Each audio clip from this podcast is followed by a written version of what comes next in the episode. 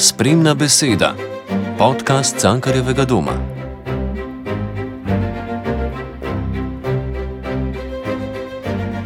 V deželo prihaja 24. pripovedovalski festival in ob tej priložnosti se bomo pogovorili z Špilo Frlic, programskim vodjem, vodjo festivala. Uh, odkje je ideja za pripovedovalski festival, ki se zdaj očitno že kar uveljavlja, če je 24. po vrsti? Ja, 24 let je kar veliko. Um, jaz ga delam zadnja tri leta, tole je moj tretji, oziroma četrti. Um, na robe štejem, ker je lansko leto dvakrat odpadel in pa se zdi, kot da se je samo na pol zgodil eden izmed njih. Je pa s festivalom začela pred 24 leti Anja Štefan, ki jo najbrž ni treba posebej predstavljati.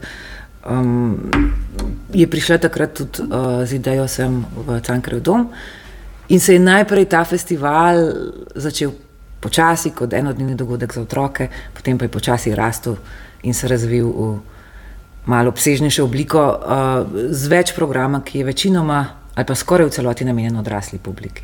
Kdo so producenti festivala? Glavni producent je Cankarjev dom, že od vsega začetka.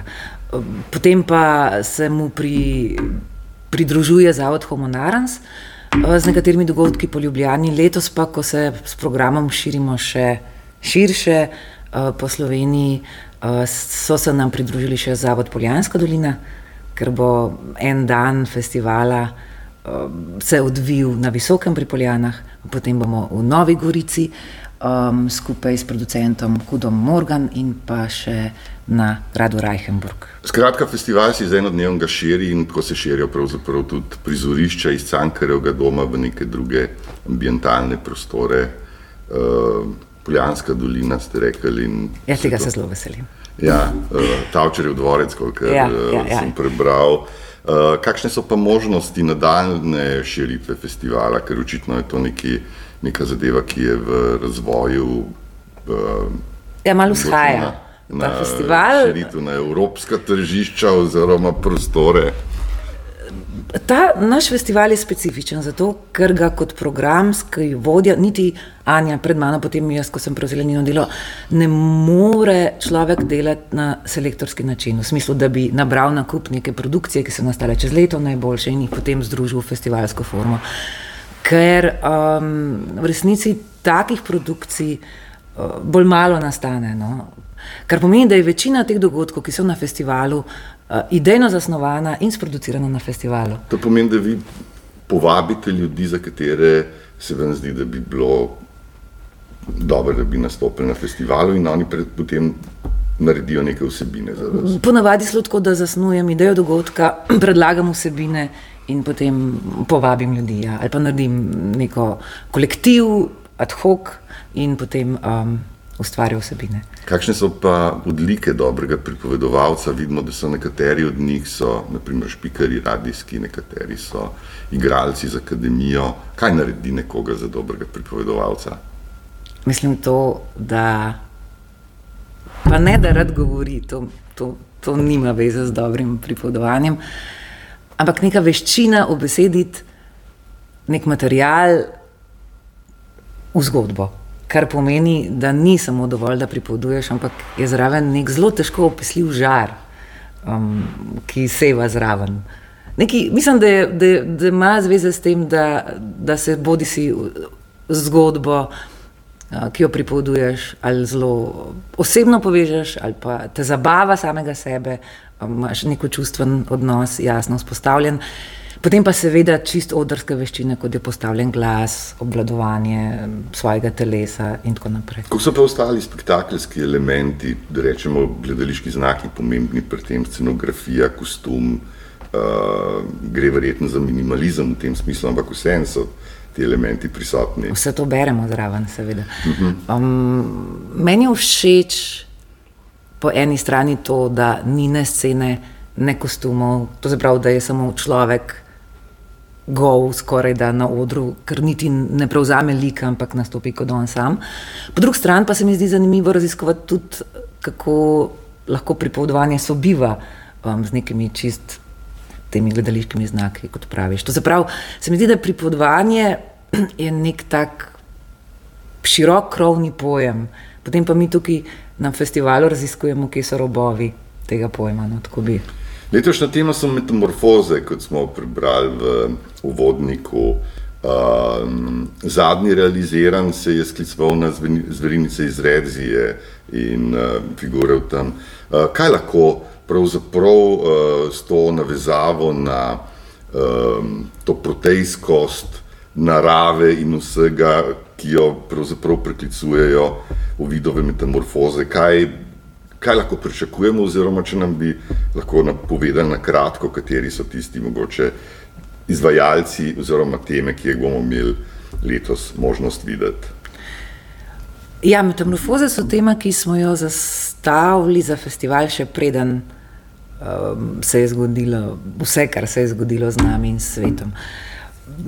Tako da je ta tema mogoče postala širša in se ne navezuje zgolj na samo vsebino festivala, ampak tudi na način, kako ga produciramo letos, kako ga komuniciramo, um, kako smo spremenili prizorišča in tako naprej. Ampak mogoče, če stopim sam korak nazaj, um, da poskusim razložiti, zakaj se mi zdi pomembno v resnici uvajati teme vsako leto. Uh, ker, mi, ker rada razumem pravljice ali pa neke te vsebine, ki so nastale skozi ustni prenos, kot nek material, s katerim lahko razmišljaš o sodobnem času. To se pravi, ne kot material, ki je romantičen, bodi si ali pa material.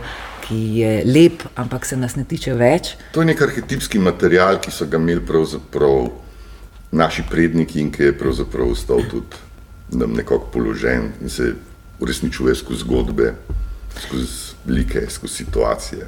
Ja, recimo tako. Ampak je pa to tudi en od um, načinov, ki, če ne reflektiramo tega pomena, v resnici um, zgleda kot da ni spremenljiv ali pa da ne more biti zelo aktualno, kritičen ali pa angažiran.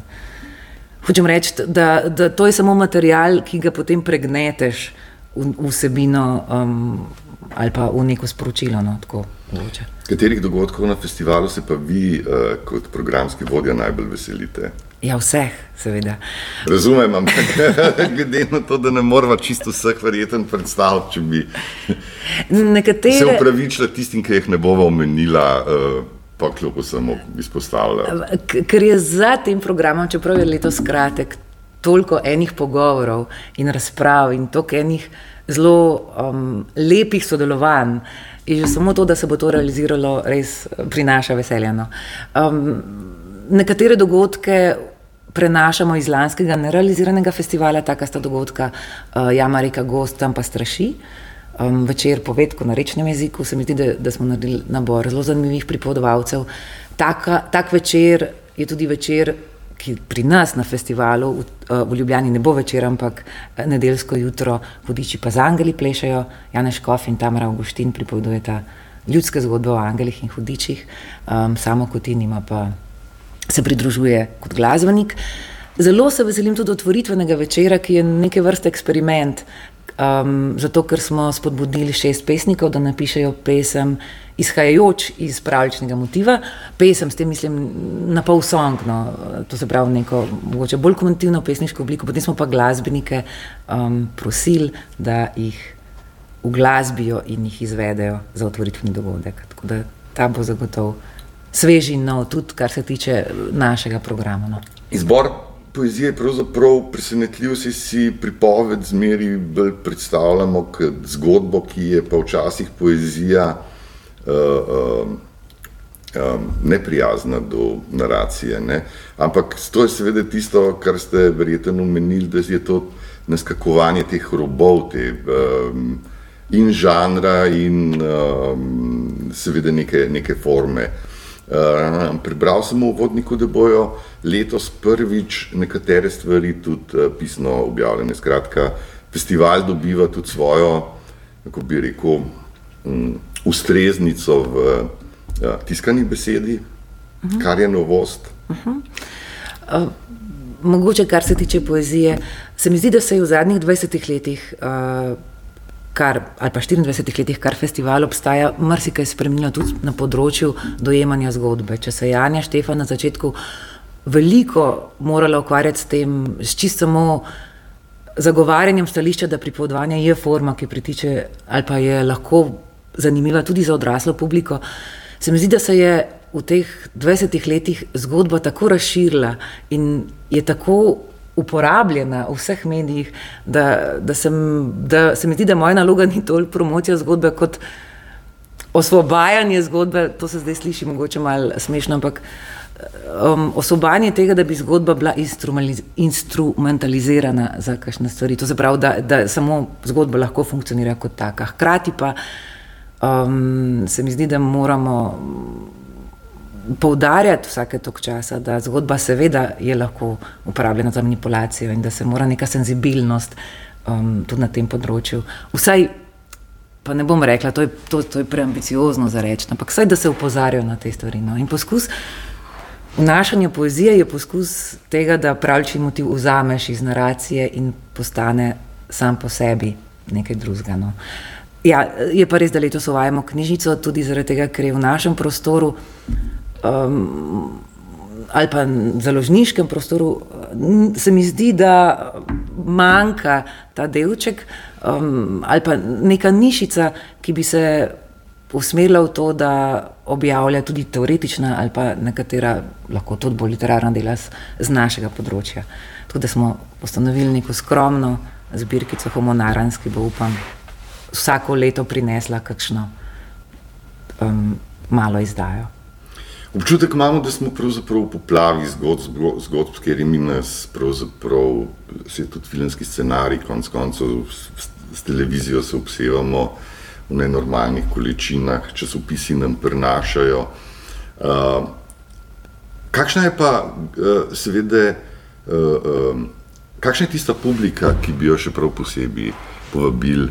Um, so to tisti, ki so pravzaprav teh zgodb siceršnjih ki smo jim izpostavljeni, pravzaprav že malo siti, pa bi si želeli uh, pač neko zgodbo, ki je bolj intimna, ki ni medijsko posredovana. Kdo so tisti, ki bi, ki, za katere bi še prav posebej želeli, da si festival pridejo ogledati in poslušati? Predvsem gre za formo poslušanja. To se pravi, ker, ker so vsi ostali elementi tako skromni ali pa celo manjkajo. Um, največ nekih informacij pride skozi ušesa, skozi glas, skozi ritem. In se mi zdi, da je to neka dejavnost, ki jo moramo vsi skupaj mogoče malo trenirati. Ali pa da je dejavnost, za katero je potrebna neke vrste kondicija. Um, tudi zato imamo letos v sodelovanju uh, z Radijem Slovenija nočni program na Kresno noč, posvečen poslušanju.